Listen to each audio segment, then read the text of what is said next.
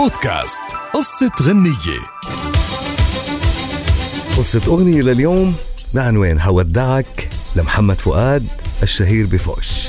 ما بيعرف الجمهور الكثير عن حياة الفنان محمد فؤاد الشخصية. حتى قصة زواجه كانت بعيدة عن الإعلام ولكن بتضل علاقته وخطوبته من الفنانة صابرين ببداية التسعينات هي أكثر علاقات محمد فؤاد العاطفية شهرة وانتشارا.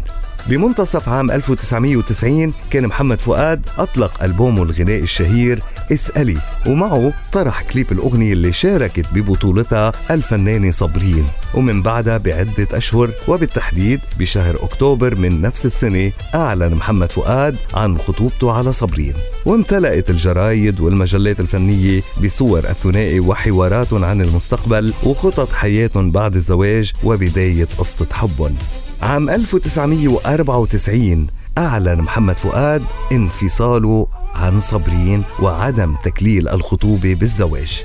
ورفض كل من محمد فؤاد وصابرين الحديث عن أسباب الانفصال. ولكن صابرين رجعت كشفت بعد مرور سنوات طويلة ولكن بشكل مقتضب عن الخلافات اللي مروا فيها وقالت اسمعوا شكل الأغاني اللي غناها فؤاد في حقي وانتوا هتعرفوا السبب إيه.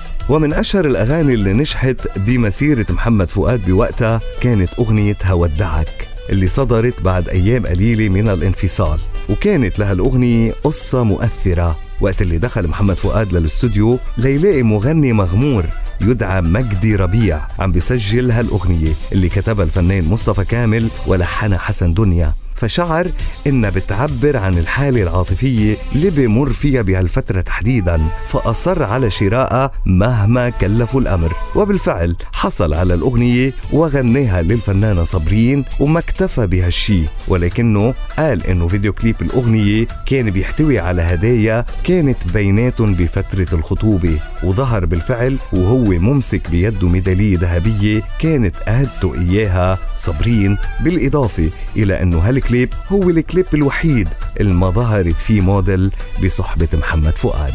لتبقى أغنية بودعك هي الأغنية اللي من خلالها أعلن رسميا عن انفصال فوش عن صبرين.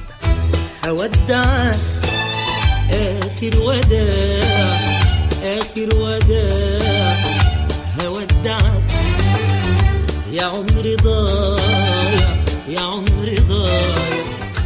بودكاست قصة غنية.